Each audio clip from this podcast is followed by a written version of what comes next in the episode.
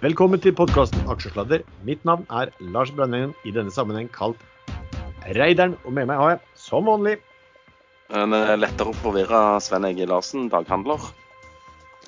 Og Erlend Henriksen, eh, tidligere Jallakongen og gruveinvestor. Og den gruveinvestoren eh, kan vel da fortelle oss en liten disclaimer. Ja, eh, dere må gjerne lytte på oss og høre på oss, og kanskje til og med handle litt ut fra det dere føler at vi sier. Eh, men hvis det går feil vei, så må dere blame dere selv. Og spesielt nå som eh, markedet er ned 2-3% Det kan godt fortsette over helgene. Vi ringer råd dersom du hører på hva vi sier er om markedet, aksjer, enkeltaksjer og livet for øvrig, er ansvaret helt og holdent ditt eget. Det kan forekomme feil i det vi sier.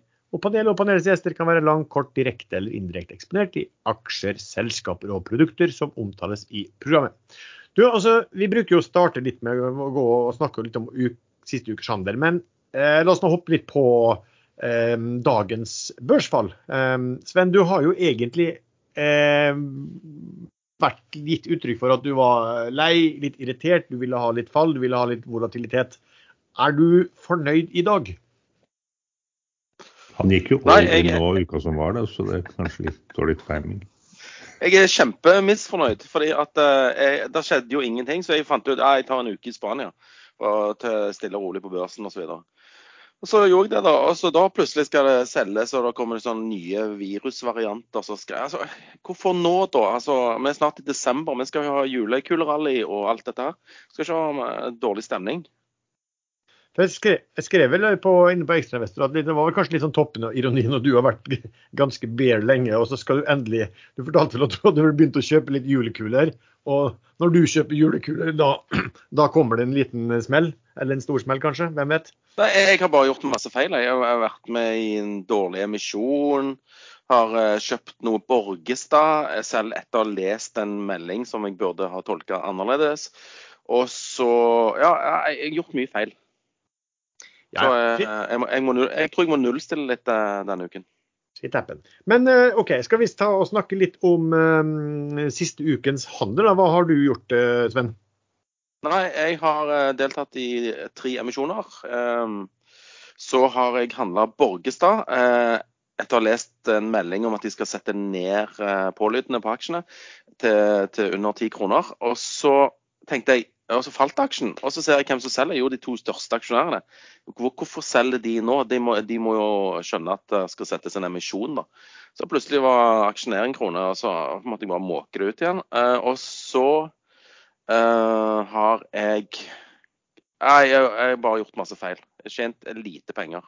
Solgte Høg Autoliners uh, på 22 i dag etter å ha fått 10 000 aksjer på 21 i emisjonen. Og så fikk jeg to ganger 1000 aksjer i Edda Vind. Og så tegna jeg i Måsøval. Eh, den ble gjort på 40,7. Eh, veldig liten rabatt. Så tenkte jeg det er jo et styrketegn. Nei da, det er bare, nå er den under 40. Så det er 39,20. Så Den fikk jeg full tildeling i, bare for å være sikker på at det skulle gå til helvete. Så takk for meg og velkommen tilbake. men, men, jeg skjønner at du kanskje er litt irritert på det du handler, men, men er det sånn at nå sitter du litt lenger framme på stolen fordi at volatiliteten i hvert fall i dag har kommet? Ja, det, det, det, er jo store, det er jo de store aksjene på Oslo Børs som faller i dag. Eh, og da, Det drar jo med seg indeksen nedover. Og, og, de små, som eh, Erlend påpekte litt tidligere, de faller ikke mer enn altså ingen aksjer som faller mer enn 10% og Det er litt sånn, det er ikke akkurat panikk. Eh, men en del av de små aksjene som jeg da handler en del i, de, de har jo falt mye fra før. Så kanskje derfor. Jeg har ikke panikk, altså. Jeg er mentalt uforberedt på krakk her nå. Erlend, hva har du gjort i uken som gikk? Eller som har gått?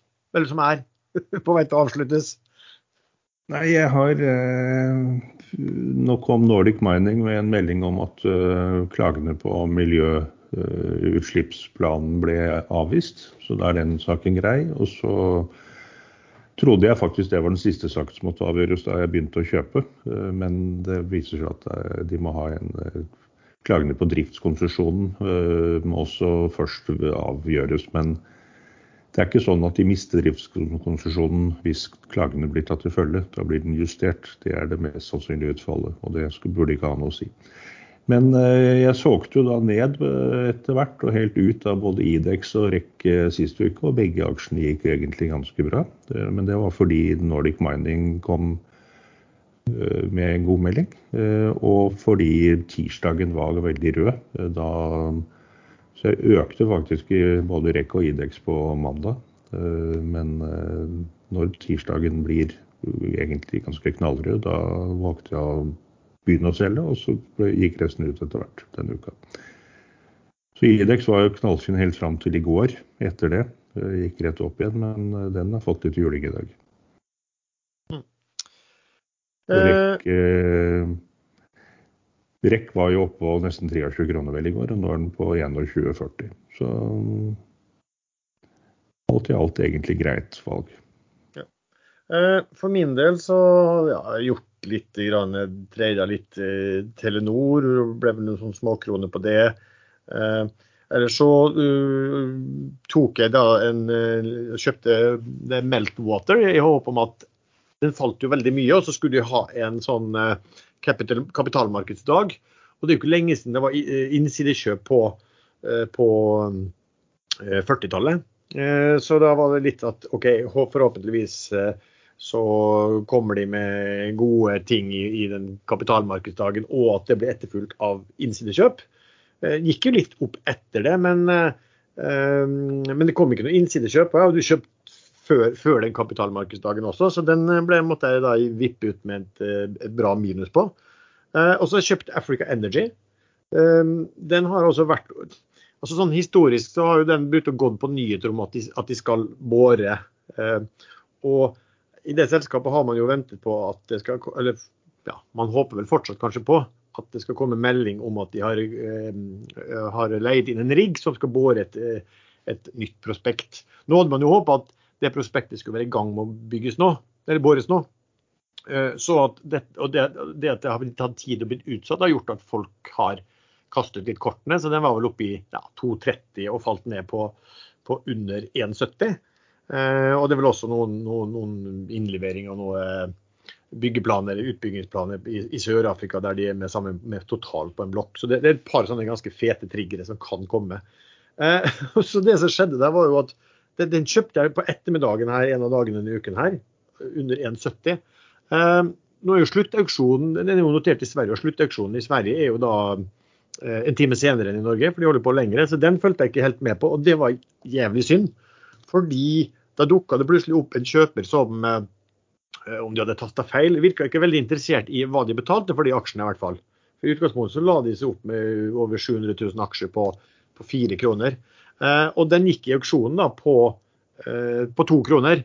Sant? Så der kunne man jo gjort eh, over 20% på ikke veldig mange minuttene. Og det hadde jeg vært interessert i å selge. Så åpna den opp da neste dag på 1,80 og skled litt ned. og du har ikke så lyst til å hive ut på 1,80 selv om det er brukbar gevinst når den var på to kroner. Eh, altså, da sitter man og lurer på hvem er det som kjøper noen som vet at det kommer nyheter her. Eh, men den har sklidd nedover, og etter fallet i dag nå, så er den jo da nede ja, rundt 1,70. Eh, da, Så den er fortsatt litt, fortsatt litt i pluss der, men det var jo ja. Man var jo litt irritert for ikke å, å, å ha, å ha kunne, å fulgt med og vippet ut av i den auksjonen. Uh, ellers, sånn som i dag f.eks., så har jeg vel ikke gjort noe som helst. Jeg hadde litt sånne eh, Play Magnus, og de solgte jeg i dag tidlig helt i åpningen. Fordi at de, den åpna ganske sterkt i forhold til markedet ellers. Men jeg har sittet stille og fulgt med på hva som, hva som skjer i dag ellers. Ok, eh, Sven, eh, vi snakker jo da om eh, hva skal du si, debutanter og emisjoner og nedsalg, og som du bruker å ha full oversikt på. Du nevnte vel litt av det, men hva, hva, er det vi kan oppsummere der? Uh, Måseval Drid, uh, Høg Autoliners, uh, 20% nei 10 tildeling ca. Uh, og denne Edda Vind som gikk på børs i dag, der tegna jeg i, på tre forskjellige entiteter, eh, er vel det rette ordet. Eh, på Selaco, som er liksom hovedgeskjeften min, der, der tegna jeg mest og fikk null aksjer. Så tegna jeg litt på privaten og, og, på et annet selskap, og der fikk jeg 1000 aksjer i retail-bransjen. En er opp en krone ca. fra emisjonskurs, og ikke noe sånn superfest, men eh, Ja, han er i hvert fall ikke nær. Men eh, altså, det er jo tulletildeling.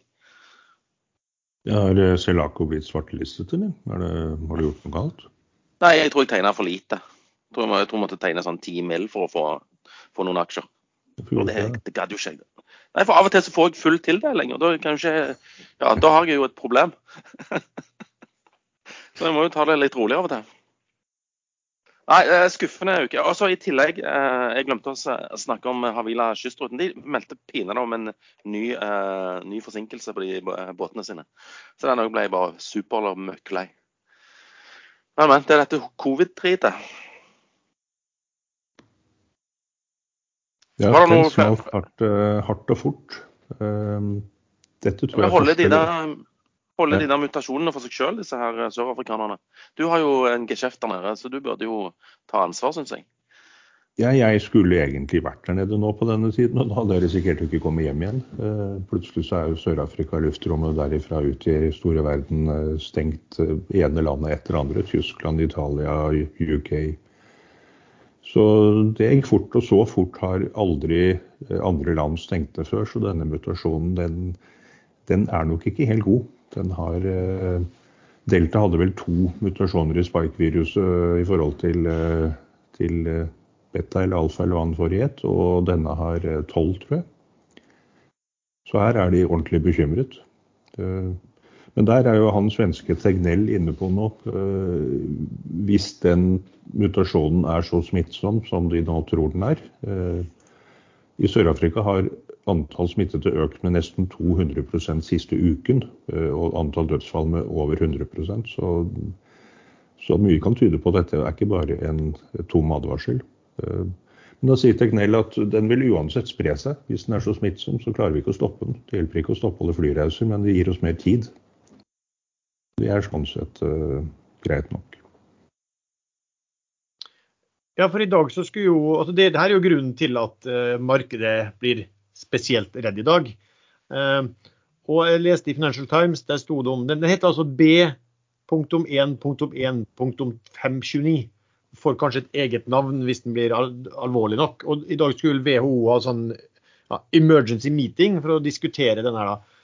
og det jeg så på den, var at de skrev at den hadde 32 mutasjoner, som de trodde, og at derav hvor mange var assosiert med evnen til å unnvike immunsystemet og spre seg raskere. Og Det var en, en oversikt som, fra Sør-Afrika, som jeg også så i eh, Financial Times. Den viste liksom hvor, hvordan den opprinnelige covid, eh, hvor raskt den smitta bredde seg. Og så var da delta eh, mye raskere enn den igjen. Og så er den her mye, mye raskere enn eh, en, eh, den delta-varianten igjen. Men det man vel ikke vet noe om, er vel ennå om den er mer alvorlig eller mindre alvorlig. Eller har du sett noe på det, Erlend? Nei, det er altfor tidlig å vite noe om. Men hvis den, selv om den bare er eh, like alvorlig som den forrige, la oss, la oss si det, så når smitten sprer seg ekstremt raskt, så vil flere bli smittet samtidig, og x antall prosent av de havner på sykehus øh, og fyller opp, fyller opp sykehusene. Så det i seg selv er jo alvorlig nok. Det er det som er det store problemet nå.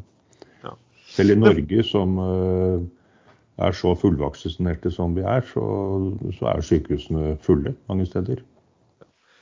Altså, men er det altså Vi har vel vært inne på det her også. Eh, det, det, det som er ille, er jo at da mm, i-landene har eh, fått vaksiner og fått, fått vaksinert i, ganske i stor grad, i hvert fall sin egen befolkning. Mens i u-land eh, og mer fattige land så har de på ingen måte klart det samme. Og, så, og det kanskje bare innebærer da at det er stor grobunn for mutasjoner i, i de landene som etter hvert ikke hjelper oss så veldig mye som har vaksinert. Det, det, det, man antar er jo at eh, de verste mutasjonene de kommer i langtids-covid-syke. De som ligger veldig lenge. Da muterer viruset gjentatte ganger i kroppen. Eh, hvis man blir smittet og rask, eh, kanskje ikke syk engang, så rekker ikke viruset å mutere så mye før man smitter neste. Men i Sør-Afrika er det ca. 25% fullvaksinerte, og det er vel et av de afrikanske landene som har flest vaksinerte. Ja. Men men så du hva tesen var fra Sør-Afrika? Altså Tesen er at dette har kommet fra noen som er hiv-syk. Altså at den har mutert hos noen som er hiv-syke. Nå holdt jeg på å si noe Nei, det, det, høres faktisk ikke bra ut. Da, da, har den kanskje klart å lure seg rundt noen, noen naturlige forsvarsmekanismer eller vaksinemekanismer. Det, men hva, men hva altså da, Det kommer jo noen ting da fra Eh, fra om, om, dette er noe som må være bekymret for. Det kommer jo fra WHO i dag. og det er vel litt sånn at Hvis den får et navn, så er det, så er det grunn, grunn, til å være eget navn, så er det grunn til å være um, litt bekymret. Men, men altså, du, det er jo demonstrasjoner mot eh, hva skulle vi si, om ikke nedstengninger, så re, re, sånn restriksjoner da, på, på, hva man kan gjøre, og, og vaksinerte mot uvaksinerte i, i, ganske mange land. Hva, hva er det egentlig hva kan myndighetene Hva vil de gjøre da hvis det kommer opp et nytt virus som er litt à la delta, men som er kanskje litt farligere? eller mer smittsomt? Nei, i Østerrike I Østerrike har de nå eh, fra 1.2.2022 så blir det vaksinetvang. Da kan myndighetene tvinge folk til å vaksinere seg. Tyskland vurderer det samme etter at de først sa at de ikke ville. I Danmark innførte de i går eh, koronapass. De som ikke har eh, vaksinert seg, de slipper ikke inn noe sted. De får lov å gå og handle, gå til legen, kanskje gå på jobb. Men det blir veldig veldig mange restriksjoner framover. Og jeg må ærlig talt si at jeg skjønner ikke hvorfor man ikke har lov å tvangsvaksinere folk når det er en pandemi som er såpass dødelig. Det, det syns jeg må være en selvfølge før disse eh, antivakser-idiotene, som jeg kaller dem, eh, eh, begynte å stoppe meslingvaksiner, så var jo det en selvfølge. Alle vaksinerte ungene sine. Så hva skal vi da Altså, det er vel tidlig å si noe ennå om, om påvirkning på markedet. Altså, vi ser markedet blir skremt, i hvert fall. Men hvis vi går ned, hvis vi går inn i en sånn ny nedstengningsfase rundt omkring. Og kanskje spesielt i Asia, vel, det er ofte det man, man sitter nå og følger med på. Hva, hva, hva, tror du vil skje med markedet da, da Ellen? Dette kommer, jo, dette kommer, jo, akkurat nå når verden allerede er i en litt krise med supply og produksjon, og alle ledd mangler uh, innsatsfaktorene sine. Uh, frakten uh, går dårlig, havner i Kina, stenges ned ved ett covid-tilfelle. Containere hoper seg opp. og USA har faktisk klart å redusere antall opphopte containere med 30% etter at Biden-administrasjonen innførte noen regler om eh, at det var ikke lov å reise tomme ut igjen. Så dette kommer jo opp på toppen. Uh, Halvledermangelen vil jo helt sikkert ikke bli bedre av dette her. Uh, flytrafikken vil kanskje stoppe opp igjen, og da går bensin, bensinforbruket ned, oljeforbruket ned. Og det er bra for meg, for jeg har tre vinkasseveddemål gående på at den aldri skal over 100 millioner fat om dagen igjen. Så Nei, det, det blir ringvirkningen. Det tror jeg vil bli mye større nå, når vi allerede er eh, i en fase hvor man sliter her og der. Ja, Men eh, kan du si at vi kommer jo opp delta-varianten, da. Uh, uten at den uh, gjorde, noe, gjorde, noe, som helst skade på, på børsen. Nei, men det var, sånn... var vel delta-varianten som er hovedårsaken til de problemene vi nå har med leveranseproblemer. Ja, ja. Men jeg tenker på, nå tenker jeg rent på, altså på, på børsmessig. Og du, ja, du, kan jo risikere at det, som skjer igjen, at folk blir sittende hjemme og trade istedenfor å være på jobb. Sånn som, men det, det, er kanskje ikke så lett å sende, sende sjekker til befolkningen nå? eller ja, ja. Ja, De må jo bare fortsette. Ellers så må man bare akseptere at det blir et gigakrakk hvis de slutter med med printe penger og uh, renten lav og sende sjekker til folk. Mm. Men uh, det verste problemet akkurat nå, det var innom Vinnervoll hvor du skal ha med en god uh, argentinsk Malbec, og der var hyllen tom for de gode vinene. Han sa at det er, det er to årsaker. Det ene er at det er tidlig på morgenen, og de rekker ikke å fylle opp hullene når de stenger dagen før. Men det andre er at det faktisk er problemer med import fra de landene som ligger langt borte. Tidlig, tidlig på morgenen, hørte jeg. Ja, det var ti, da. Ja, når de åpner, rett og slett. Du, ser, du, kan se for deg Ellen stå og skrape på døra. Å, jeg trenger en god Malbec her nå, kjenner jeg, klokka ti. Da sier de, den betjeningen sier han står den byens løse fugl står utafor og skraper på døra igjen, liksom. Ja, ja. Ja, Jallakongen og, og, og de. På CC Vest har jeg egen inngang. Det er sånn Mot parkeringsplassen så er det en liten ekstra, liten smal dør. Står Vinmonopolet over. Ingen som ser den. Der går jeg alltid. OK, da, gå, da skal vi ta et lite nytt tema. Men først eh, så vil jeg bare ha en liten tirade. Eh, fordi at Erlend fortalte jo at han, eh, hans firma ble nesten nedstengt av, eh, av DNB. Og nå gikk jeg også og opplevde å treffe på, på en bank som tydeligvis består av pappskaller og fedhoder og klodrianer og kjempenisser. Fordi, Hvor har du jobbet før? ja, faktisk. altså Det som heter Danske Bank, jeg jobbet jo i Fokus Bank for ja, nå det mange år siden, da. Men eh, de plutselig så funka ikke kort. Og når jeg skulle inn på nettbank og se hva som, hva som foregikk, så kom jeg ikke inn på nettbank. Altså. Det sto at du hadde nok ingen gyldig avtale. Eh, og måtte da ringe Danske Bank og, og sitte lenge i kø der. Og da var det jo at jo, eh, det var noe informasjon på meg som de ikke hadde helt. OK. Ja, det skulle stått noen ting om det i nettbanken. Um, kjære sette, men og det var ikke kommet noe mail, ikke noe varsel om at de kom til å stoppe, stenge alt du hadde.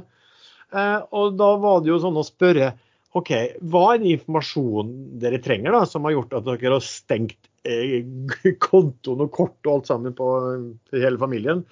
Nei, det var sånn Én, er du politisk eh, sånn tilknyttet person eller politisk person eller nærstående? Det er vanlig. Og to, kommer du til å ha store eh, pengeoverførsler til og fra utlandet de neste tolv måneder? Og så var det liksom, Men det tydeligvis som hengte seg opp i, var jo da at de hadde sett at det hadde kommet en ganske stor innbetaling eh, til meg privat, da, for det var, det var jo ikke firma, det var privat, eh, fra eh, England. Eh, og det var jo det var jo, oh, jo, jo, så, det var jo så mistenkelig. Det er terrorfinansiering. ja, det viste da seg at det var at det var altså handel i et børsnotert selskapspapir, rett og slett. Eh, Det fantes jo da ikke det, men det ville de da ha eh, Måtte de da få avtalen på, da. Eh, Papirene eh, på dette her. Eh, Og når jeg fortalte at det var kanskje litt spesielt da å stenge kontoen på det i slutten av 2021, når denne transaksjonen fant sted i 2020, Ehm, ja, så var det vel mer sånn Ja, men da hadde vi ikke, kanskje ikke kommet til deg før nå. Og Det sier jo litt om kanskje hvordan de andre kundene eh, kan ha opplevd. Så eh, Danske Bank, skjerpings, fehoder, stopp. De det, det skal de i hvert fall ha. da. De, de, på sekundet så fikk de i hvert fall eh, åpnet alt eh, opp igjen. Men eh, Men jeg, jeg, jeg aner et visst mønster her nå. Først Erlend, så deg. Eh, så da er det vel bare å vente på at de stenger hos meg òg. kommer, kommer deg jo. Jo. Ja. For du treder i utlandet, Sven, så du får penger både inn og ut av norsk konto?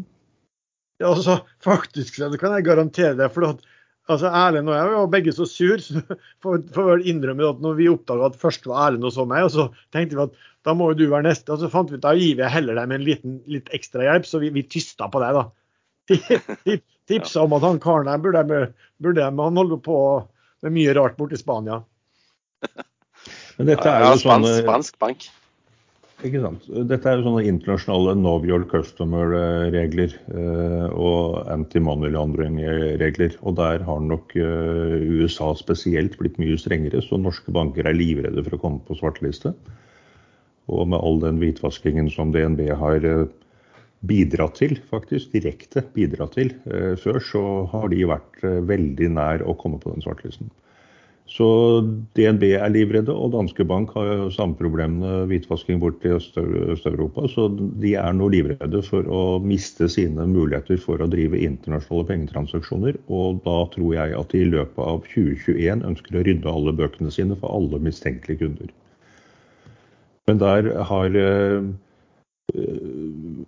det var vel sjefen for Finanstilsynet, eller en av toppsjefene som i Finanstilsynet var ute i Dagens Næringsliv sist uke og sa at bankene skal ikke unngå risiko, de skal håndtere risiko. Og her svikter bankene fullstendig.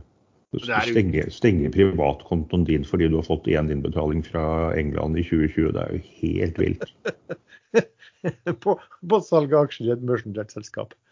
Oi, oi, oi. Ja, nei, det er helt vilt. Men, eh, og, og, ut, og ut, og det, er det verste at uten å gi et varsel også, det kunne jo være at man sto et eller annet sted og skulle betale akkurat da da med kortet, så det var litt, litt viktig og ville vært litt pinlig, liksom. OK, men sånn er det. Um, Oljeprisen den stuper i dag, og det har jo skjedd da mye i løpet av eh, den siste uken, bl.a. med politiske avgjørelser i USA og andre steder. Skal vi se, Erlend, skal du dra litt hva som har, hva som har skjedd? Ja, eh, Biden er jo redd for mellomvalget til neste år. Eh, og med pumpepriser i USA på nesten europeisk prisnivå. Det er vel, det er vel oppe rundt 10 kroner literen, er det ikke det? Omregnet.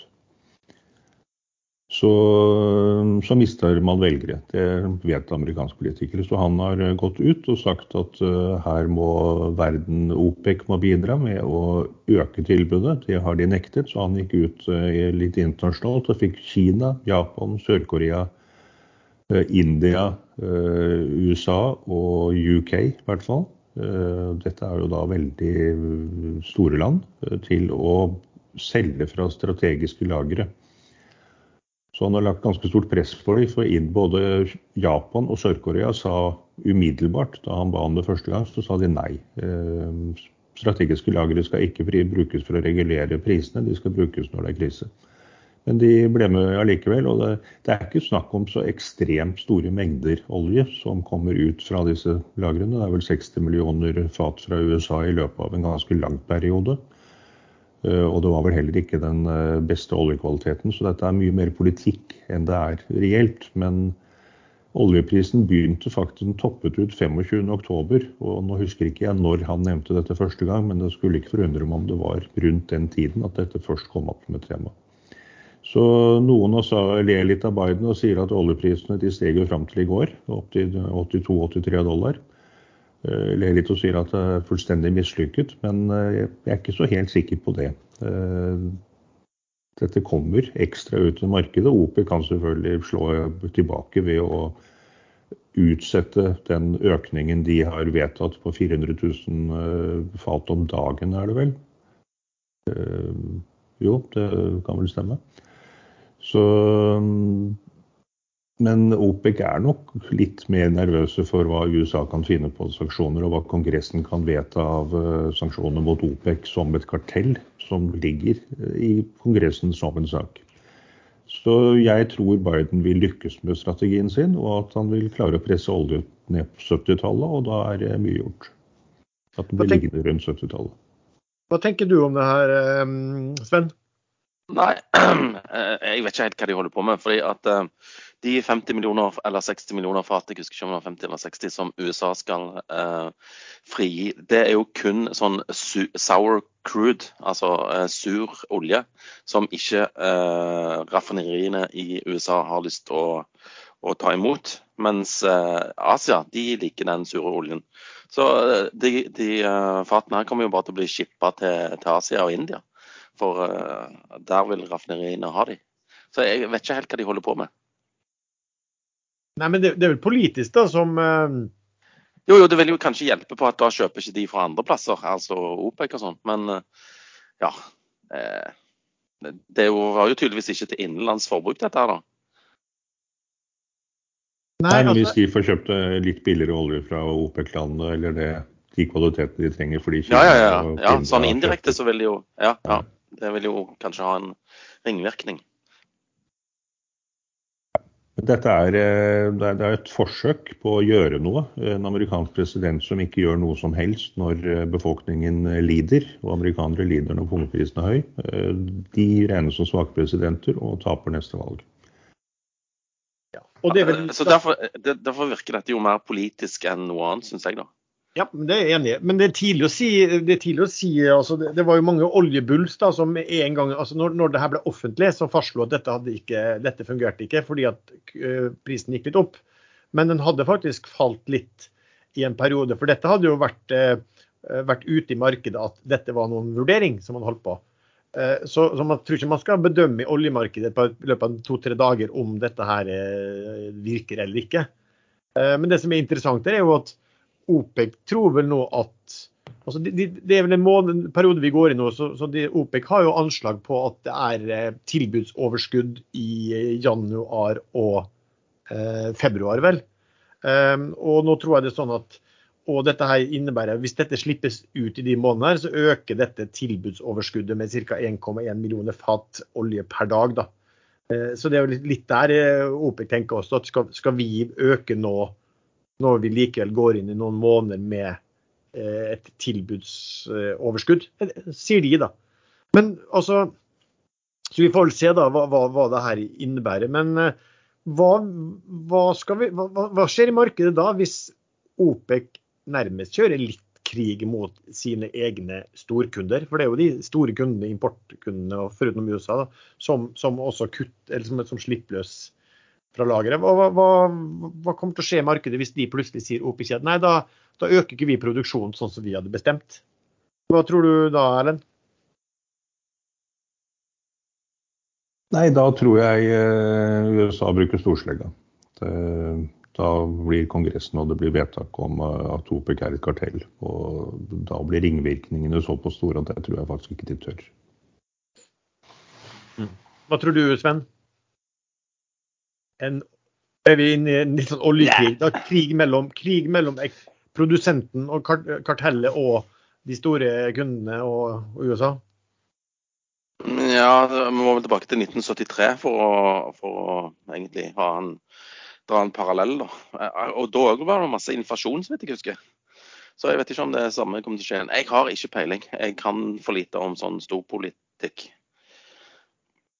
Men det er jo hva man pleier å si, at eh, de som prøver å spå oljeprisen, utviklingen framover, de får sauer til å fremstå som intelligente dyr.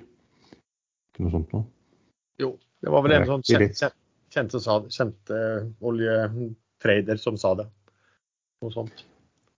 Men ø, oljeprisen er nå ø, på samme nivå som den var høsten 2018.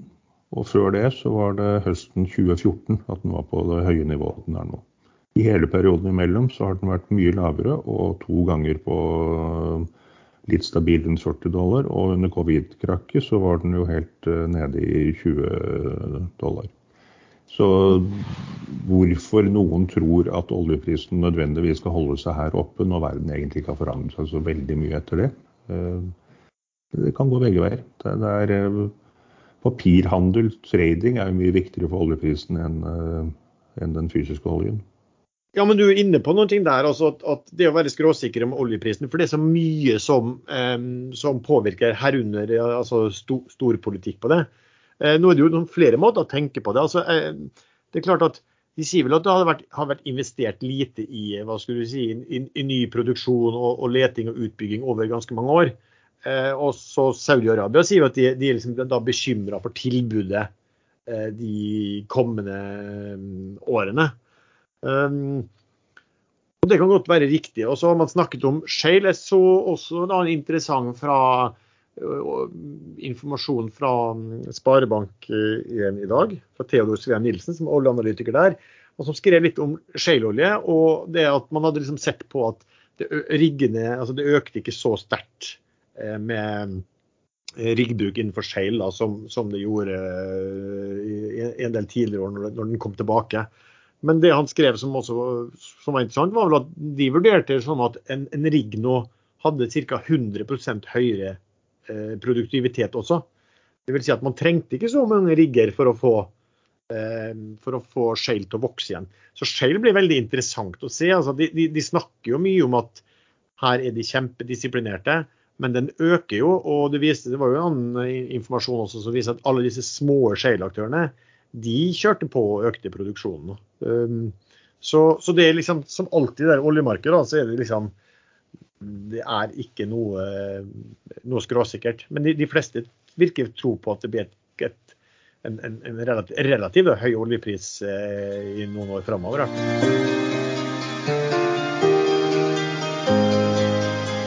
Denne sendingen er sponset av IG.com. Vil du ta din trading til neste nivå? Tradingmegleren IG tilbyr fleksibel giring, som innebærer at du kan gå både lang eller kort på aksjer, indekser, råvarer, valutaer og kryptovalutaer. Til forskjell fra tradisjonelle investeringer lar disse deg utnytte både opp- og nedganger på markedet. Få mer ut av tradingmulighetene som dukker opp med IGs markedsledende avanserte plattform. Med handel direkte i grafen, prisalarm og nyheter kan du ta del av smart, smartere og smidigere trading. Ta din handel til neste nivå. Besøk ig.com for å åpne en konto. Husk at all handel med finansielle instrumenter er tilknyttet risiko. Og lenken til IG finner du i beskrivelsen til denne episoden. Vi snakket om Okea vel i forrige episode, der, og har nevnt de før også. Spetalen og Fredelig hadde kommet inn på eiersiden der etter et større nedsalg. Men Sven, hva har skjedd med den aksjonærsitsen? Nei, Jeg vet ikke helt hva som har skjedd med aksjen, men de har solgt i, i, i tandem for å bruke et sykkeluttrykk. De har eh, solgt uh, seg Har de solgt seg ut, eller har de bare solgt seg ned? Du som har sett på listene. Jeg har ikke sett det, men jeg forsto på avisen at de hadde solgt seg ut, jeg. Nå. Ah, OK. Ja, altså uh, samme antall og samme tidspunkt, så de har gjerne snakket sammen uh, i forkant av at de kjøpte aksjene. Sånn at de har solgt seg ut på likt, og det er vel ikke noe galt i det. Nei, det er vel ikke noe forbud i det hvis man gir en megler eh, ordren om å selge likt for begge to. Ikke sant. De bruker samme megler, og fort da megleren som meglet posten når de kjøpte. Ikke sant. Um, Sven, du vil gjerne Du har jo vel egentlig sagt, vært litt kritisk da, til Pareto og, og IPOs eh, via dem. Men i dag har du lyst til å gi en ros dit, har jeg forstått? Ja, han faste megleren min i Pareto han må ha fått et drypp eller noe. fordi plutselig så ringer han eh, en ettermiddag etter Oslo Børs har stengt. Ikke for å be om penger til en av de der eh, fantastiske eh, contemplated uh, plasseringene de pleier å ha. Uh, nei da, han har faktisk fått en idé. Jeg har neppe fått han, har funnet på han sjøl, sikkert en annen kunde eller et eller annet. Men han sier liksom du, du, må, du må selge Flex LNG i USA. Den er på 206 nå. Og han stengte på 198, tror jeg det var. Så, så der er det stor differanse. Uh, og så tenkte jeg ja vel, skal jeg gidde? Og så skulle jeg ut på en restaurant og sånn, men jeg tok med mobil og selvfølgelig. Så da tok jeg og shorta litt uh, aksjer i, i Flex LNG i USA. Uh, og den bare steg og steg fra sånn 23 uh, blank, så, så, hvor han var når han ringte først, til opp i 23,80, tror jeg. Jeg fikk shorta 3000 aksjer på snitt 23,30. Og så sto jeg opp litt seint dagen etterpå, og så dekka de aksjene som jeg da hadde solgt implisitt på 208, på 193. Så plutselig så hadde jeg jo tjent en god del penger på at han eh, gadd å ringe, da. Eh, for noe annet enn å hente penger. Så, og takken er at du sier at han må ha drypp? Det, det, har jo ikke skjedd før. Så et eller annet har jo skjedd. Så er sånn atferdsendring. Det må jo forklares på en eller annen måte. Han, han vet jeg skulle prøve å vinkle det negativt uansett, så eh, han er egentlig en grei kar. Ja, nå skal vi ikke gå inn på hva du sier til kona di hvis hun uh, kommer med kaffe til deg på kontoret eller er litt snill. Nei, da ble jeg veldig mistenksom. ja, nei, nei, så, så, så, så ja. Det, apropos det menneskelige aspektet og sånn, eh, som jeg har stilt spørsmålstegn til med sånn megleryrke og sånn. Av og til så har de noe de glimter til, altså. Å tenke på kundene sine. Men de har sikkert hatt dårlig, dårlig samvittighet for et eller annet. Du mener et menneskelig glimt i øynene? Ja, jeg vet ikke. Det er besynderlig. Derfor er jeg litt småforvirra av det òg, så det, denne uka har vært rar for min del. Men en som har fått uh, ny uh, tillit, da, som vi har pratet mye om, uh, Fed, de har fått nominert en ny, eller rett og slett en fortsatt sentralbanksjef, Sven. Ja, jeg tipper de hørte på forrige ukes aksjesladder, der vi spådde at Jay Powell kom til å få uh, jobben som uh, fortsatt uh, sentralbanksjef. Noe han gjorde var det allerede på mandagen klokken tre. Så ble det annonsert at han fikk jobben. Og så Lael Brainerd ble jo da sånn vise sentralbanksjef. Så alt ordner seg for snille gutter. Ja.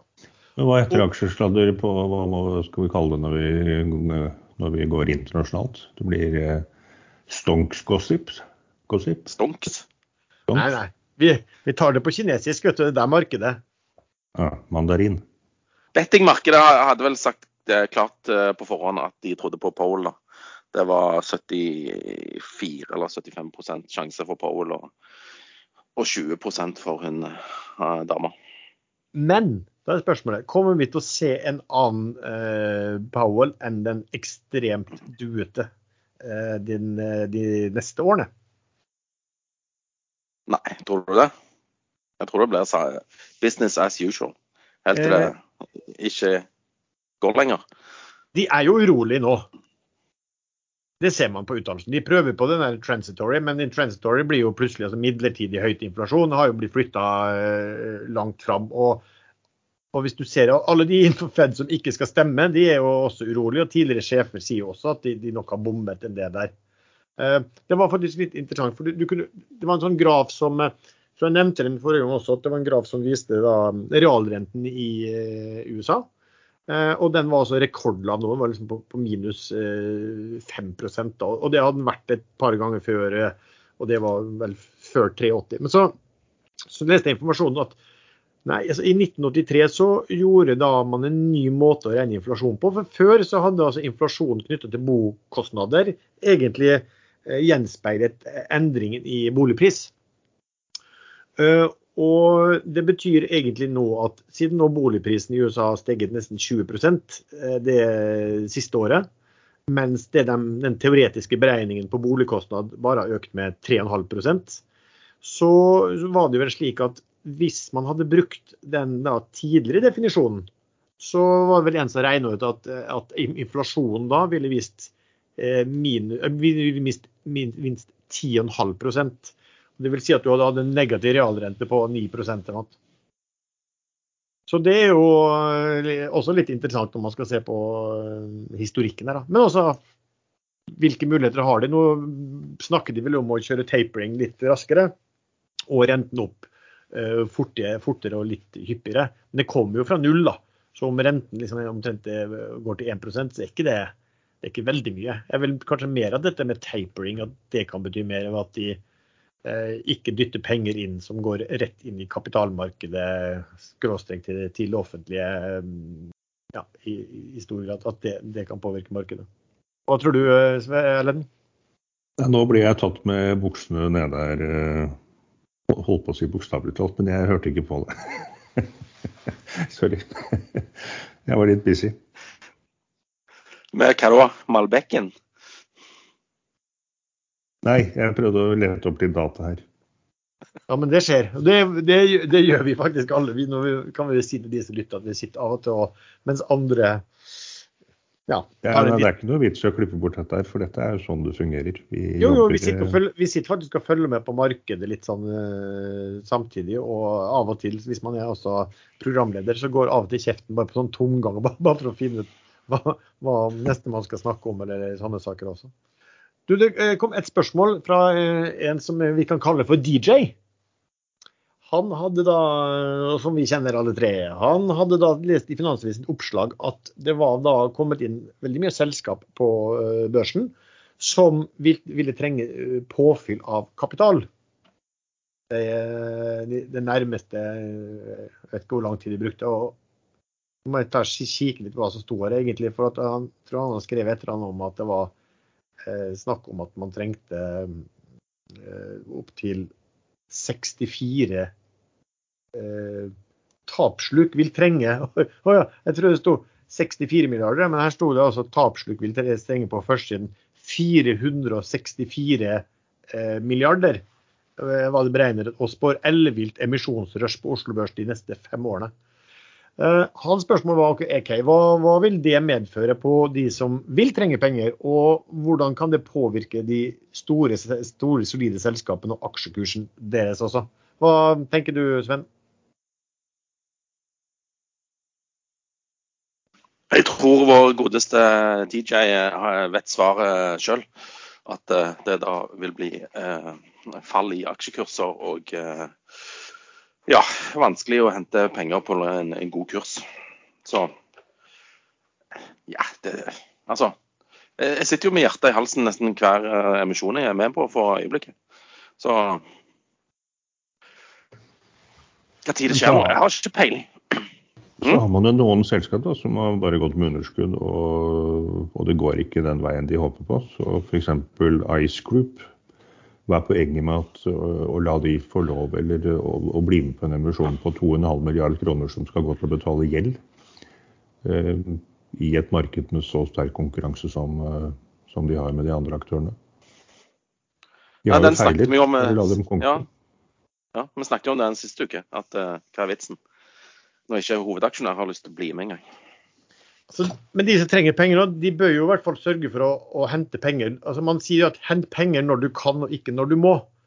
Eh, Ja. Fordi at hvis du henter når du må, så kan du risikere at markedet er kjempesurt, og da får du ofte en eh, veldig stor smell på det. Men så kan man si sånn at eh, så mye penger som er kommet inn i markedet, og på så høye vurderinger, så er det jo det på en måte bra hvis det kommer nye selskap inn. I hvert fall hvis man syns det som er høytpriset. At det kommer nye inn. og, og Eh, Men ja, hvor, hvor, hvor lett det blir å hente disse pengene framover. Det, det snakker jo om fem år, da, så gudene vet hva markedet eh, kan være der. Og, altså, alt har jo sin pris, da. Men eh, at det blir jeg- tøft for de som, sku, som skuffer, i hvert fall, det kan vi være enige i. Ja. Men jeg, jeg, tilbake til bare dagens nedgang og sånn. Kommer USA til å falle i dag? Fordi eh, de liker som regel å bestemme sjøl. De, de har ikke lyst til å bli påvirka av, eh, av andre børser i andre verdensdeler. Så jeg har merka meg liksom når vi har svake dager her i Europa, så, så starter gjerne USA litt uh, lavt, men det henter seg alltid inn igjen. Så jeg er veldig spent i dag på om USA faktisk uh, klarer å hente seg inn og bare er ned eller er, er flatt som vanlig, liksom. Er det de har vært kjempesterke. Ja, og, og den dagen her, den Black Friday, den pleier jo faktisk å gi eh, Pleier faktisk å være positiv på børsen i USA. Så jeg, jeg blir litt forundra hvis det, de eh, stenger kraftig ned i dag. Jeg ser faktisk med, bare, bare ak akkurat nå noen meldinger, så er det vel at jeg ser Carnival, Carnival Corp og RCCL Royal Caribbean, altså cruiseselskapene, de ser ut som de faller sånn ca. 10 da, i Norwegian Cruise altså 10% i premarkedet. Og flyselskapene også er et par flyselskap, Delta United rundt 8 også. Men så har du da um, Pfizer og Moderna og disse her, de dundrer jo opp i, sånn sett på det. Så det er jo liksom de, de som var vinnerne av, av nedstengning, er jo de som, eh, som eh, øker, mens de som blir tapere av nedstengning nå, de, de, de, går, de går kraftig ned. Ja, hvis de, hvis de kjøper disse Fang-aksjene istedenfor, og så lar alt dette transport og reiseliv og sånn gå i dass, så vil jo indeksene faktisk stige fortsatt. I Ja. går var jo den store kalkundagen, og i dag er det halvdag. Og da er det vel sånn, i hvert fall så har jeg hørt, at de store aktørene er ikke i markedet i dag. De har tatt seg lang helg. Ja, det, de har dratt på hytta si i Hamptons. Men, eh, men kjempe- Nei, Derfor tror jeg det er litt viktig å følge med i dag. Hvis USA er, er veldig svak, så kan det tyde på at ting skal litt ned framover. Men jeg, jeg tipper at det henter seg inn, jeg. Det, det har jo gjort det til nå. Men så vil det jo bli en nyhetsstrøm rundt den nye virusvarianten i løpet av helgen. og Så får man se hvordan Europa reagerer på det med Asia på mandag morgen. Så litt risk-off eh, kan kanskje være litt fornuftig. Eh, Og se an Ja, altså- hvordan det utvikler seg. Du skal faktisk sette ting litt i sammenheng. Så, nå så jeg i dag, og da var, det var omtrent noe, så noen ned, OBX 2,5 ned i dag. Da. Og da er det slik at eh, i november så er vi ca. flat, og vi er 3% opp fra eh, starten av oktober. OBX-en. Og det har jo vært i en periode hvor det har kommet ganske mange hva skal vi si, skremmeskudd. da. Um, på, på inflasjon og på renter og nå på muligens nedstengninger. Så, så sånn, fortsatt vil jeg vil si at børsen er er er veldig sterk. Men om- om det her blir noe vendepunkt, det er jo, det er jo anybody's guess, egentlig. Nei, Det er derfor jeg er litt sånn ute av synk med meg sjøl. Si. Eh, jeg trodde jo at uh, dette covid-greiene egentlig var ferdig. Så jeg var liksom Jeg så liksom uh, litt på andre ting. Men nå er det jo litt covid igjen. Da det er jo Sven, kan du si noen ting om Havyard? Og, altså, de kommer med et stort utbytte av disse havaksjene. Hva, hva, kan du forklare litt hva det, hva det her inne er for noen ting? Ja, eh, Havyard eh, er jo største aksjonær i Hav Group. Eh, de har funnet ut at de skal selge halvparten av aksjene de sitter på, til eh, Eller de skal ikke selge de, de skal dele det ut som ekstraordinært utbytte. Og det er jo eh, til, eh, til aksjonærene i eh, Havyard, altså. Eh, for å ta det en gang til, da. Havyard eier masse Hav Group. De skal nå dele ut de, halvparten av disse Hav Group-aksjene til eksisterende Havyard-aksjonærer. Så da vil du mest sannsynlig få et lite salgspress i Hav Group, mens eh, eh verdien på Havyard har gått litt opp fordi at Havyard har blitt handla med rabatt mot eh, underliggende verdier i Hav Group. Og Det skjer rett før nyttår, og det er jo litt kult. For eh, det er jo foreslått en ny utbyttebeskatning fra neste år. Så det, hvis de skal dele ut, så er det lurt at de gjør det nå, før nyttår. Men så du hva Hav gjorde da, kanskje for å kontre et mulig salgspress når Havyard-aksjonærene Ja, dette, dette, dette, har de tenkt på. Så nå er det tilbakekjøpsprogram. Så det er jo litt kult, det òg. Så da blir eh, sjokket i markedet litt mindre. Ikke sant? Hvis det, blir noe, hvis det blir noe sjokk i det hele tatt. Ja. Men de kom jo med tall i dag. Du, har du fått sett på de, eller? Uh, ja, de var ikke så Altså, de hadde altså, lavere omsetning, men det var venta og guida. Men uh, ser du på tallene og guidingen for Q4, så uh, vitner det om en bruttomargin, eller en nettomargin på 10% Og det er litt over det analytikerne har spådd. Så de guider opp på margin og, og på omsetning for fjerde kvartal. Så eh, alt i alt grei rapport fra, fra Hav Group. Ja, for det husker jeg du var inne på den gangen også. Eh, var vel rundt etter at de kom med halvårstallene. at eh, eh, Se hva de skriver om andre halvår. For de skrev den gangen at den, ble, at den kom til å bli en, en vesentlig svakere. Eh, og det så vi vel i tredje kvartal, men, men, men så ble fjerde kvartal hva de skrev om den, egentlig ganske brukbar. Også. Eh, men ja, det kan, nå kan du si det, det kom jo melding vet du, om dette her eh, Havjarda. Og det er jo litt det om man sitter og, og, og trader, så kom det en den Meldingen kom altså, da lå kursen på sånn 11,5. Eh, og jeg leste kanskje de én setning for mye, for den fire-fem setningen var der var oi, de skulle dele ut halvparten, her var det kjøpet. Så jeg kasta meg inn da og tasta inn. Skulle kjøpe, det lå det 20 000 som ikke var tatt på 11,80. Skulle skynde meg å ta de. Hadde skrevet inn, skulle akkurat trykke kjøp og så var han borte. Jeg tror jeg var sånn, regnet, jeg må ha vært sånn ca. fire sekunder for seint. Så spør jeg var det du som tok dem, Sven? ja. Det var det, ja. Men fire sekunder bak, det er jo en evighet. Ja, det er det. Ja. Det gamle, det. Måtte du ta på brillene òg først, eller hvordan? altså, jeg, så, jeg så det ikke med en gang det kom opp, så det gikk jo noen sekunder før jeg bare så at det var kommet en melding. Og så var det det med å kikke. Men jeg, jeg hørte noen andre som sa at de var ikke var mange sekunder bak de heller. Men det var du, altså? Ja, jeg leste Jeg åpna faktisk meldingen, eller børsmeldingen og så leste de to første linjene, og så trykte jeg, trykte jeg kjøp. Ja. Normalt sett så skulle jeg bare sett headingen, og det hadde holdt i massevis. For jeg kan jo caset, ikke sant. Så det, det her var egentlig bare kjøp. Da, og den gikk jo da rett, rett i 14 kroner, så, så, det er klart at de, de fire sekundene var, var ja, 40, 40, lapper eller et eller annet i fòret. Det hadde jo vært eh, Men eh, var du med til 14 kroner, Sven? Nei, det var jeg jo ikke. Nei, ikke sant. Jeg tenker, tenker vi sier eh, rundt 13, eh, jeg. Ja ja. Det er pent det òg. Ja, jeg er fornøyd. Du, du, du, du tok her sto jeg med min utstrakte hånd og, og, og nærmest tagg, og du, du, du, du, tok pengene fra min hånd, på en måte. Føles du det føles, føles... Jeg følte sjøl at det gikk veldig tregt eh, sjøl òg. For jeg åpna melding og leste og tenkte Men det, eh, nå har jo meg og deg satt oss inn i det caset eh, relativt eh, godt. Eh, for vi drev jo og handla litt der i fjor, var det vel? Eller var det forfjor? I fjor, ja. Ja, jeg tror. Eh, så, så, vi har jo en liten fordel, da, at vi kunne det. Så, nå, og, og, de har jo allerede signalisert, eller de hadde jo allerede signalisert at de skulle dele ut, eh, vurdere å dele ut de aksjene som utbytte. Mm. Men det bringer oss jo over på, på utbytteregler og sånn eh, til, til, neste år. For jeg bare beit meg merke i at transaksjonen skal være fullført eh, og aksjene utdelt før årsskiftet.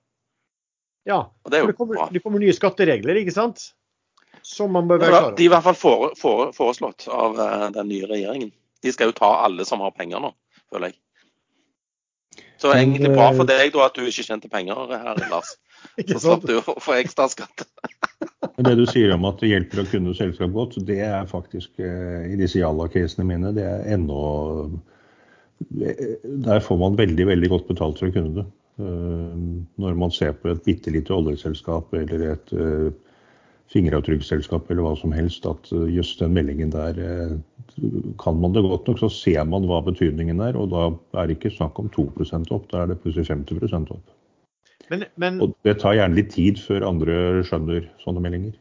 jo, på en måte er det, men er det ikke heller nøkkel å si at du kanskje heller eh, er i stand til å tolke hvordan markedet vil tolke det? For noen ganger så, så er kommer jo de kursoppgangene er jo helt syke i forhold til, eh, i forhold til hva, hva en sånn kontrakt eller en melding isolert sett et eksempel var biotekselskapet PCIB. Eh, Den var jo på 30 kroner for noen år siden og falt og falt. og Både Sven og jeg så jo på den og fant at sånn egentlig var det greit nok fundamental bakgrunn for at den kursen skulle fortsette opp, men den falt helt ned til femtallet. Og så kom det med en melding. Og den skjønte jeg med en gang, fordi jeg kunne selskapet veldig godt, at den var veldig god. Så jeg eh, kjøpte det jeg hadde i cash og solgte unna så mye jeg kunne. eh, Og fikk ganske mye på, på femtallet. Eh, Før ti minutter etterpå så begynte kursen å stikke opp. Det var jo da min store tragedie. Jeg solgte alt på 10,80, så jeg fikk med meg nesten dobling. Og den kursen gikk til 44 kroner. Det er nesten enda verre da å ha kjøpt og solgt for tidlig enn å ikke være med det eller enn å ikke være med det hele tatt. Ja. Det var det, ja, ikke sant? Men det var jo aldri verdt 44 Ja, men- kroner. eh, Men eh, sånn ramla ned igjen til halvparten. Men uansett, jeg solgte altfor tidlig. Så jeg kunne ikke gått nok. Skal vi se, Men skattetilpasninger, la oss ta det på, på nytt. Da altså en ting at det blir økt utbytteskatt. Forslaget er vel, eh, forslaget er vel 35% opp fra 31 eh, som er dagens. Ja, og det Den har økt, økt jevnt og trutt, den, selv med, med blå-grå regjering. Men dette innebærer vel også økt skatt på aksjegevinster generelt sett? Eh, ja, det, det også, den òg ble vel foreslått eh, oppjustert. Ja. I tillegg var det noe eh, sånne eh, eh, minimums... Eh, ah, nei, nå har jeg glemt ut. Men det, det, det kan være litt sånn interessant å være klar over det. For på vanligvis for nyttår så selger man ofte aksjene man har tap på, eh, fordi at man vil ha mest mulig skattetap. Og så sitter man på de man har stor gevinst på, for da kan man utsette skatteregningen et år. ikke sant? Istedenfor å selge den du har gjort 50% på i eh, slutten av desember, så kan du, selv om du har lyst til å selge, så kan du vente noen dager og så selger du den i starten av januar. Det har vi sett før. da. Men det her kan jo medvirke litt det motsatte. At du selger, venter med å selge taperen din til januar, for at da får du større skatte... Eh, altså mm, Fradrag. fra- fradrag, ikke sant? Og så selger du um, heller vinnerne dine da i desember, hvis du har lyst til å selge det, fordi at da blir det lavere skatt på de også. Men denne nyheten har vært ute ute ganske lenge, så de, det er ingen- ingen grunn til at de som ville gjøre det du sa der, ikke har gjort det allerede for lenge siden. Ja, men det er ikke vedtatt ennå. De holder jo fortsatt bare på å diskutere og, og forhandle om dette budsjettet. da. Ja, det, Og Hadde det vært opp til SV, så hadde det vel blitt 98 eh, skatt på utbytte. Ja, mye skattetilpasninger bruker å gjøres i desember også, da. Så, så det bare nevnes i forhold til alt det med Vi bruker å snakke om julekuler og alt der, at, at plutselig så ja, kan det være litt andre Ja. Jeg har en revisor som faktisk var på ballen for noen uker siden og sendte en mail at uh, forslagene gjør sånn at du bør gjerne vurdere å ta ut mer utbytte i år enn eh, enn neste år. Mm. Så da har jeg uh, gjort det. Ekstraordinært utbytte for i år. Slipper å betale litt skatt. Og du slapp å, du slapp å kalle inn til generalforsamling med tre ukers eh, Ja, han, eh, han, han lagde et sånn eh, formular som jeg bare hadde uh, måtte underskrive på. Det gikk fort. Det gikk fort. Vi har fått som vanlig masse spørsmål. Skal vi se eh, hva vi har eh, Ja, eh, et- det her er jo, er jo på dagen. Da. Eh, Hva tenker dere er fallet i dag? Irrasjonelt eller eh, Eller hva? Det er vel ikke irrasjonelt i og med at oppgangen har vært så eh, sterk som den har. Men eh, på meg så kom den litt sånn uh, overraskende. I hvert fall kom, at det kom i dag. Og at de skylder på denne virusvarianten. Så er jeg litt sånn tatt på sengen. Um, Erlend, Tyrkia. hva har du å si om det? Hva som skjer der? Nei, det kan jeg ikke si, for da kjører Tyrkia en sånn raid, sånn som israelske Mossad pleier å gjøre, og bare kommer og henter meg. Og tar meg ure med ennå. Bruker kjøtt, kjøttsagen, det har du lært seg nå fra Saudi. Blir flyttet til et sted i fire ulike kofferter? Ja, nei, Tyrkia er jo Det er jo ikke bra på noen som helst måte nå. Han diktatoren er jo rett og slett ikke riktig navle. Han reagerer jo hva han sier for noe om uh, rentene. Det er uh, høye renter som forårsaker inflasjon, og det kan jo sikkert til en viss grad stemme, det. Men eh, når en diktator blander seg inn i sentralbanksjefens avgjørelser, da pleier det sjelden å ende bra. Ja, for han har vel sparket en del sånne sentralbanksjefer nå, og eh, jeg vet ikke om han siste kanskje, kanskje overlevde, men forlanger da at de skal eh, sette ned rentene når inflasjonen der er, er massiv. Og, og den, altså den, vet, den tyrkiske lira de har, eller noe sånt, litt usikker på hva den heter, valutaen. Den har vel svekket seg noe ganske den heter, den heter lira. Ja. Den har svekka seg voldsomt mot, uh, mot uh, dollar og, og, andre typer valuta nå bare, bare den siste måneden. Så uh, sånn, sånn, muslimsk diktator det, som skal bli makroøkonom, jeg vet ikke om det er helt ja, helt kurant. Sven, spørsmål til deg. Kan du montere snøplog på robotgressklipperen? Hæ? Kan du montere snøplog på robotgressklipperen? Nei. hvorfor skal jeg det? Altså, det er et teit spørsmål. Det er ikke snø der du bor? Der er veldig lite, og jeg har gitt han fri eh, nå.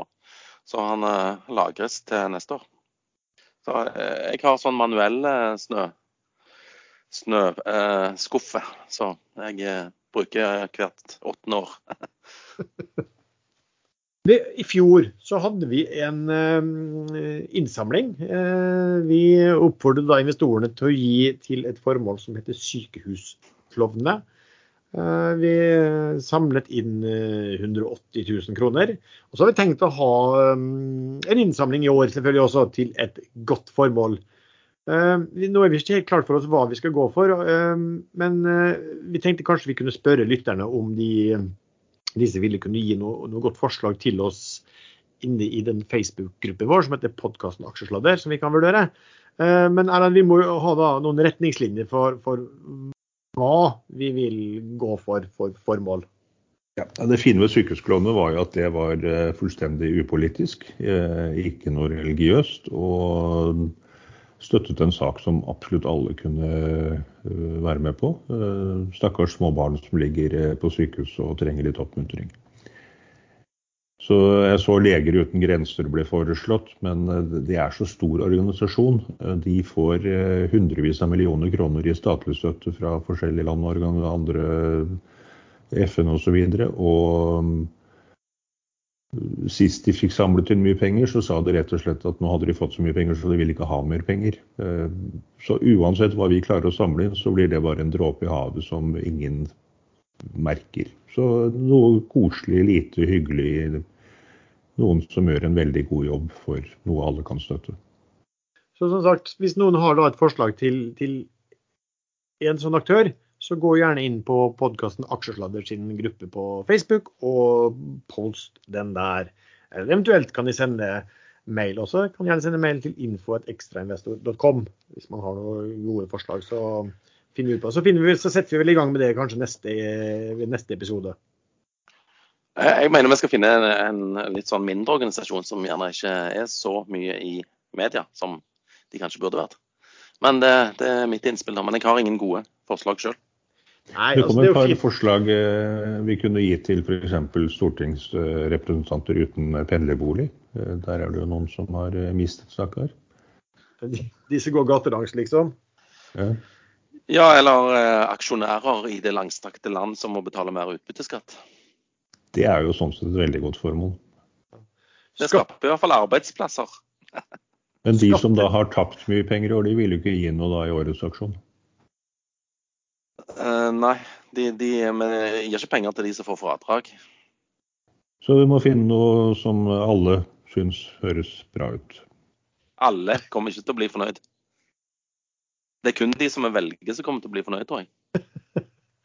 De var i hvert fall veldig godt fornøyd sykehusklovnene i fjor. Da fikk vi veldig hyggelige tilbakemeldinger, og vi ble faktisk nevnt i årsrapporten eh, deres at eh, det fantes faktisk litt hjertevarme hos vi som da var investorer, og som ellers eh, var aktive i, i kapitalmarkedet. Så, så, når vi kommer med dette, så regner vi med at alle som lytter, kommer til å, å gi.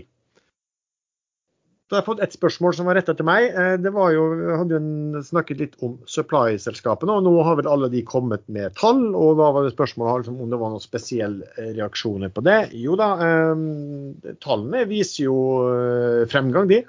Eh, som indikert. Noen hadde kanskje bedre fremgang eh, også enn ventet. Så Solstad Offshore kom med tall i går som, som egentlig så veldig bra ut. Nå er det alltid liksom vanskelig, liksom valutating som gjør det litt vanskelig, men, men man er på fremmarsj, da. Men det er fortsatt sånn at man har at alle har en veldig tung eh, gjeldsbyrde. For Solstad, Solstad sin del så økte jo faktisk gjeldsbyrden i, i, i tredje kvartal. altså De fikk mer netto rentebærende gjeld. Eh, kan det være spesielle årsaker til det. Eh, det man skal følge også litt med på at En del av disse selskapene må gjøre oppgraderinger når de skal inn på, på skip når de skal inn i nye jobber. De må gjøre klassing og den biten der.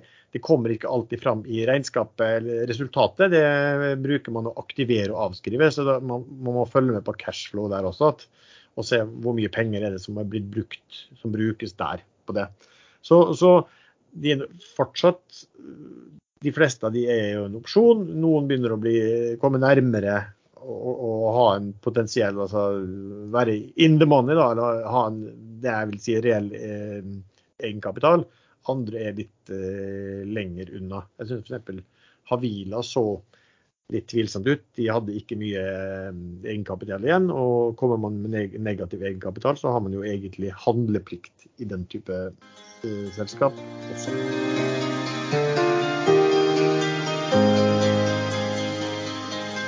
Det norskstartede selskapet Rescue Unit ble i dag, fredag 26.11, notert på Nasdaq First North Stockholm under tikkeren RESQ.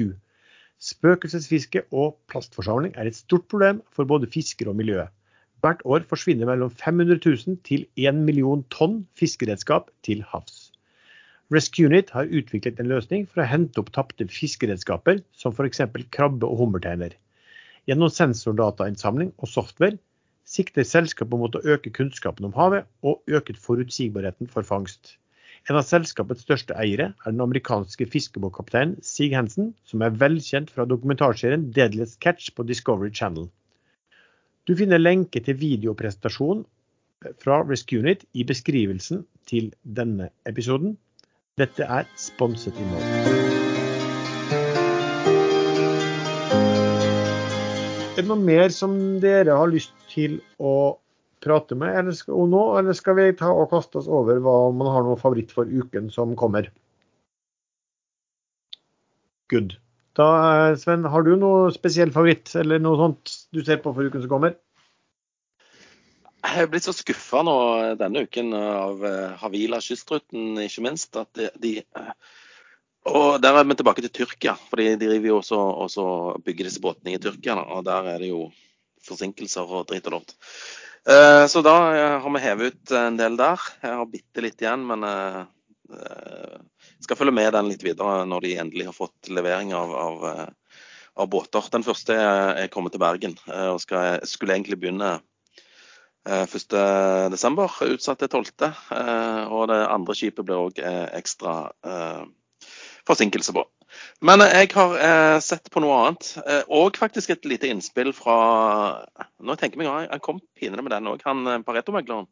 Eh, før tallene til ALNG. Eh, de kom i dag, og, og, de var egentlig ganske bra. Og de guider vel egentlig helt OK. Jeg tror eh, De har to båter som de opererer. Begge de to går av sine kontrakter i april til neste år. Og, og LNG-ratene er veldig høye og stigende. Så jeg tror kanskje, hvis de får slutta de to båtene sine til bra rater, at den aksjen har en del mer å gå på. Så jeg har kjøpt litt ALNG. Eh, om den går nå neste uke, har ikke peiling. Men hvis eh, LNG-ratene fortsetter å stige, så tipper jeg at den gjør det bra. FLNG òg gjør det veldig bra på børsen for øyeblikket, så LNG er litt i skuddet. Så det blir min for neste uke. Selv om den gjerne ikke går neste uke. Erlend? Da har jeg i hvert fall, har jeg i hvert fall bidratt med noe. Veldig bra. Erlend?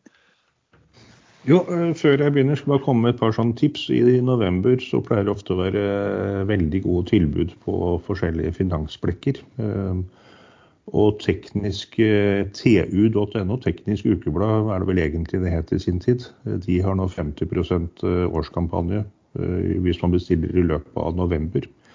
Så da koster ett år 1145, og for veldig mange bransjer man ser på når man er på børs, så er det mye gode inn som man kan hente der. Jeg har ingen eh, tilknytning til det bladet selv, så dette er bare ren tips. Det er et tips, faktisk. Det er det lov gi om eh, sånne ting. Hva, blad var det, sa du? TU. Teknisk eh, ah. ukeblad het i gamle dager. Der står det veldig mye interessant. Det irriterer meg hver gang det er en eh, plussartikkel som ikke jeg får lest. Så den skal jeg tegne abonnement på. Det var kun det bladet som var på tilbud? Ja, det er på tilbud. Og så er Trading View eh, amerikanske. Det er vel kanskje gått ut nå, eh, hvis ikke de har det fremdeles.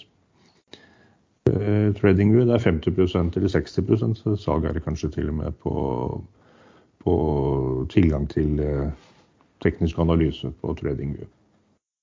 Og de har også norske aksjer. Jeg tror med abonnement så får man uh, realtime-kurser også på europeiske aksjer, så det er det interessante. Men jeg er ikke helt sikker på om jeg tegner det selv. Jeg klarer meg med veldig enkel info. Men uh, jo, jeg har egentlig uh, REC, som jeg snakket om sist, der caset er fremdeles intakt. Sammen med IDEX. Uh, men eneste grunn til at jeg ikke har det nå, det er fordi jeg har fulgt med på Nordic Mining i veldig veldig mange år. Uh, I hvert fall 12 av de 14 årene jeg tror de har vært på børs. Og man har trodd i like mange år at nå er det like før eh, de kan starte, men nå er det faktisk eh, like før. Jeg kan egentlig ikke tenke meg at det blir noen store problemer rundt klagene på driftstillatelsen. Blir det det, så, så går kursen rett i kjelleren, men det tviler jeg på. Eh, og da er oppsiden ganske stor. Eh, to grunner til det. Det ene er at eh, litiumprisene har økt med over 300% bare i år, er det vel. Og de eier rundt 15-16% av Keliber kommende litiumgruve i Finland, som, hvor alt er på trekk. Og de har vedtatt oppstart og kommer vel ut i markedet rundt 2024, hvis jeg ikke husker helt feil. Men der skrev faktisk Nordic Mining opp verdien av de aksjene med 60% i Q3-rapporten. Og det har eh, børsen egentlig ikke betalt selskapet for. Så det var ganske mange millioner, eh, titalls millioner den verdien ble skrevet opp med, og den eh, oppskrivingen er helt reell. Og titanprisene ligger nå langt over over eh, regnestykket i Net Present Value som Nordic Mining har på gruven sin. og Der har de en nedbetalingstid på rundt fire år, som er ekstremt bra for en gruve.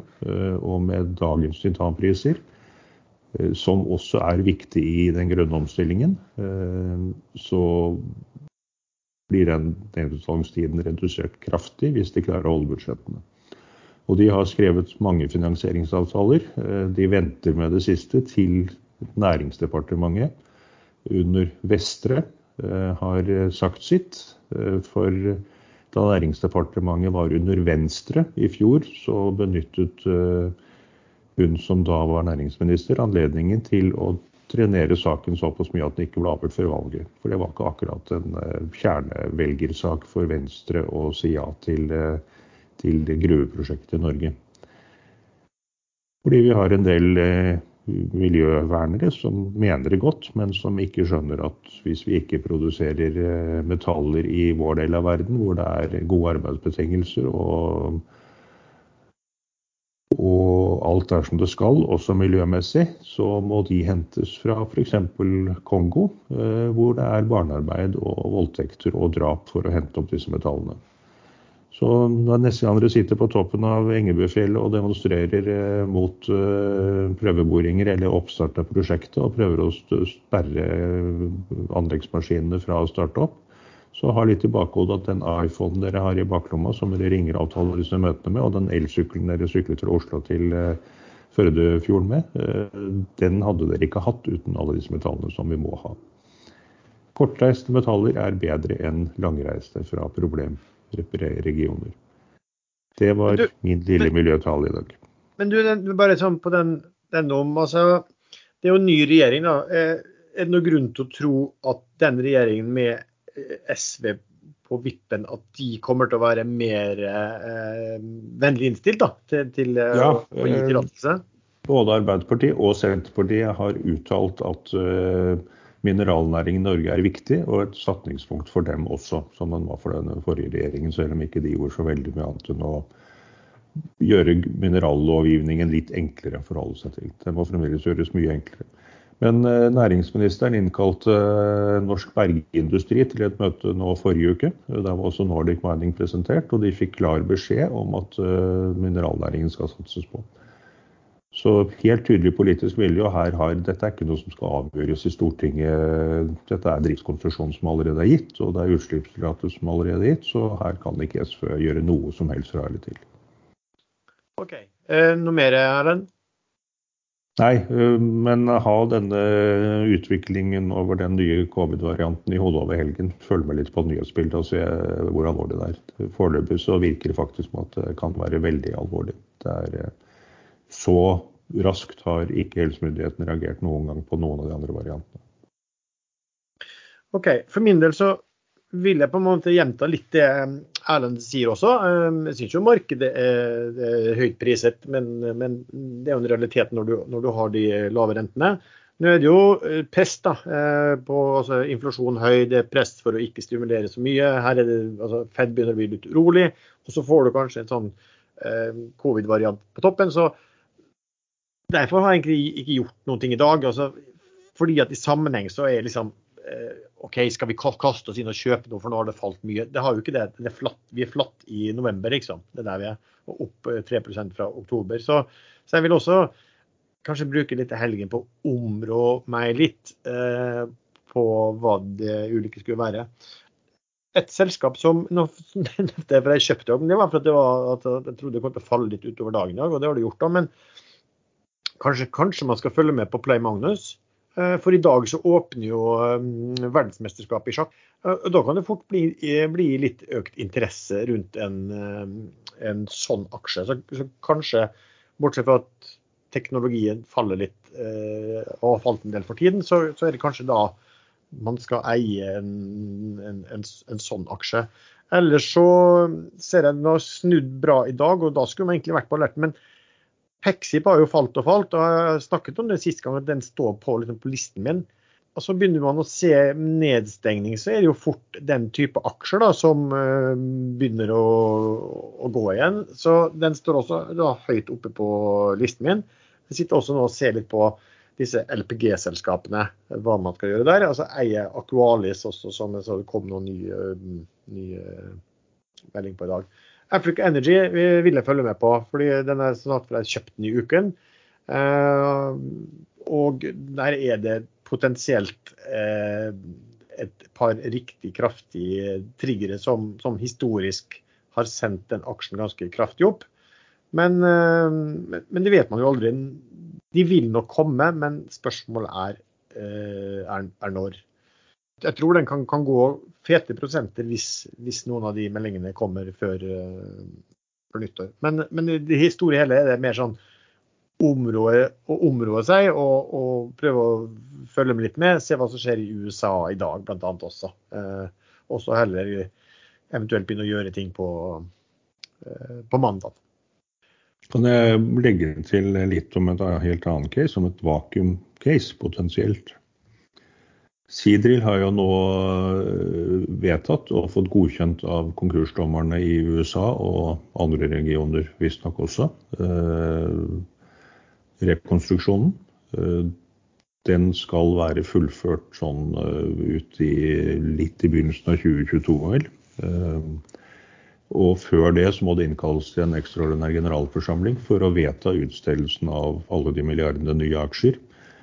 Eh, det vil medføre at verdien av dagens aksjer havner på ca. 25 øre. Nå ligger kursen på 1,77. Den var oppe på 2,10 i dag, og grunnen til det var at eh, den var på 1,60 i går, eh, helt ned på 1,55. Eh, men så kom det en melding i dag eller i går kveld om at Sidril har fått to lange kontrakter, var det vel. Eh, femårskontrakter og verdi på 3,5 milliarder kroner eller noe sånt. Men folk må bruke huet her. Verdien av de kontraktene, hvis, de i det hele tatt har noen plussverdi, spiller ingen rolle for dagens aksjekurs det kommer så mange nye aksjer at verdien av dagens aksjer er 25 øre uansett hvordan man snur og vender på det. Og så blir det kanskje tredet litt høyere når de nye aksjene kommer. Men den kursen skal ned med minst 1,50 fra dagens kurs. Minst en krone i hvert fall. Ehm, men før de nye aksjene kommer, så kan det komme et vakuum. Jeg tror ikke det kommer ennå, for eh, Hemen Holdning Fredriksen har solgt en del eh, og kommer muligens til å fortsette å selge litt. Men han kan ikke selge seg helt ut før generalforsamlingen, for noen må faktisk vedta eh, denne rekonstruksjonen. Så plutselig så stikker den aksjen. Jeg tror man har litt tid ennå, så jeg ikke noe, eier ikke noe av den ennå. Ok. Uh, jeg vil også bare nevne før vi slutter at uh, jeg bruker å være interessert i aksjer som har falt kraftig og kanskje gitt opp litt, og, og, og se om det kommer en overaksjon. Eh, så da lagde jeg en kanal på, inne på Ekstrainvestor som heter Turnarounds. Der vi skriver fundamentalt om aksjer som har falt kraftig, og deres mulighet for kursmessig turnaround. og Da, mer sånn tallbasert. Så hvis noen har eh, noe å bidra med i den kanalen, så er det jo bare å um, gå inn dit og, og skrive også. Eh, ikke bare norske, men gjerne også utenlandske. Jeg ser det, den siste i dag som noen har skrevet om der, er da noen som har kjøpt Pexip på noen regnestykker, f.eks. Ja, hvis noen lurte om jeg hadde solgt null, så har jeg altså ikke solgt null. Du venter på nål? Jeg venter på jol. Jolekole. Jolekole og null. Nei, men det er faktisk uh, ubekrefta rykter fra Hanoi-tangen at uh, at uh, både Oddfjell og uh, Mersk Drilling har vært om bord i Vestmira de siste dagene. Så vi får vente og se om det skjer noe spennende. Det kom tall òg i dag, men de var non-event. Men, har du, men, men, bare sånn, er det noe regnestykke på den kontra det er noe regnestykke på DVD? Og så vet jeg at eh, jeg hadde med en, snakket med en analytiker som sa at OK, det er hyggelig de regnestykkene, men Valaris er likevel klart å foretrekke. Er det noe regnestykke på Nol hva man, liksom kan, hva man bør kunne få ut hvis de får solgt disse riggene? Hva, hva, hva er markeds... Hva? Uh, worst case uh, Har du lyst til å høre hva worst case er? ja, det er vel minus ganske mye, sikkert. i... Nei, nei, det er kun null, da. For ja, ja, det er null. Du, du må ikke, du, ja, ja. For det, det er worst case. Sven, at du vet at uh, disse to store aktørene har vært om bord på den riggen, er det da innsideinformasjon som du har kjøpt og betalt masse penger for å få, eller er det såkalt vanskelig tilgjengelig informasjon som man Jeg har en vestlending, jeg har en vestlending uh, som sitter ute i jollen der og, med kikkert, som jeg betaler uh, dårlig for å, for å speide etter aktuelle beilere. Du, det der skal du være forsiktig med. for jeg husker, husker vi hadde leid en, en kar til å følge med det borehullet nede i Afrika denne gangen. og Han hørte vi aldri mer til. Så han mistenkte vi ble tatt og, og stappa ned det borehullet sjøl. Ja, mulig. Men eh, nei, eh, jeg har sett denne filmen en Wall Street. Det er han der Bud Fox, vet du. Han eh, tar sånn vaskejobb og så finner ut av ting på sånn advokatkontorer osv. Så, videre. ja. så jeg, jeg bruker samme metode. Ok, jeg, Personlig så har jeg, sånn, jeg har egen sånn Hvis du har sett den dronen over Aker Brygge, så har jeg sånn drone som bare flyr der. Følger med folk som går ut fra de ulike kontorene og sånn. Men eh, Lars, du kan jo montere en sånn liten sprengladning på den dronen og shorte uh, en aksje kraftig ned før du kjører den rett gjennom vinduet og tar ut uh, toppsjefen i et av de store selskapene. Så blir du jo kjemperik. Nå syns jeg du gikk langt over grensen av hva som er akseptabel markedspraksis. Nei, det var tross alt snakk om en liten drone. Noen år siden var det noen som kjørte to fly inn i noen skyskrapere borti USA. Tror, tror, tror du liksom Finanstilsynet hadde vurdert det som markedsmanipulasjon hvis du hadde gjort det der, eller? Nei, jeg tror du kan få en liten bot for å ha brukt drone i Oslo sentrum. Men noe mer enn det burde du ikke skje. Men hvis du søker på forhånd om å få lov å fly drone der, så tror jeg det går greit. Går det bra. Ja. Ik ik ikke inn gjennom vinduet, tror jeg. Men det er Ja, men, godt at dette er eh, altså, bare sånn mellom oss. Ulykker skjer. Godt at dette bare er sånn samtale mellom oss, og ikke Finanstilsynet og Økokrim og alt annet kommer og tar oss. Ja, ja, du gal. Det er jo bra at jeg har stoppet innspillingen. Uh, ups. Ups, ja. Nei, du kan ikke ta med alt dette. Hva da? Hæ?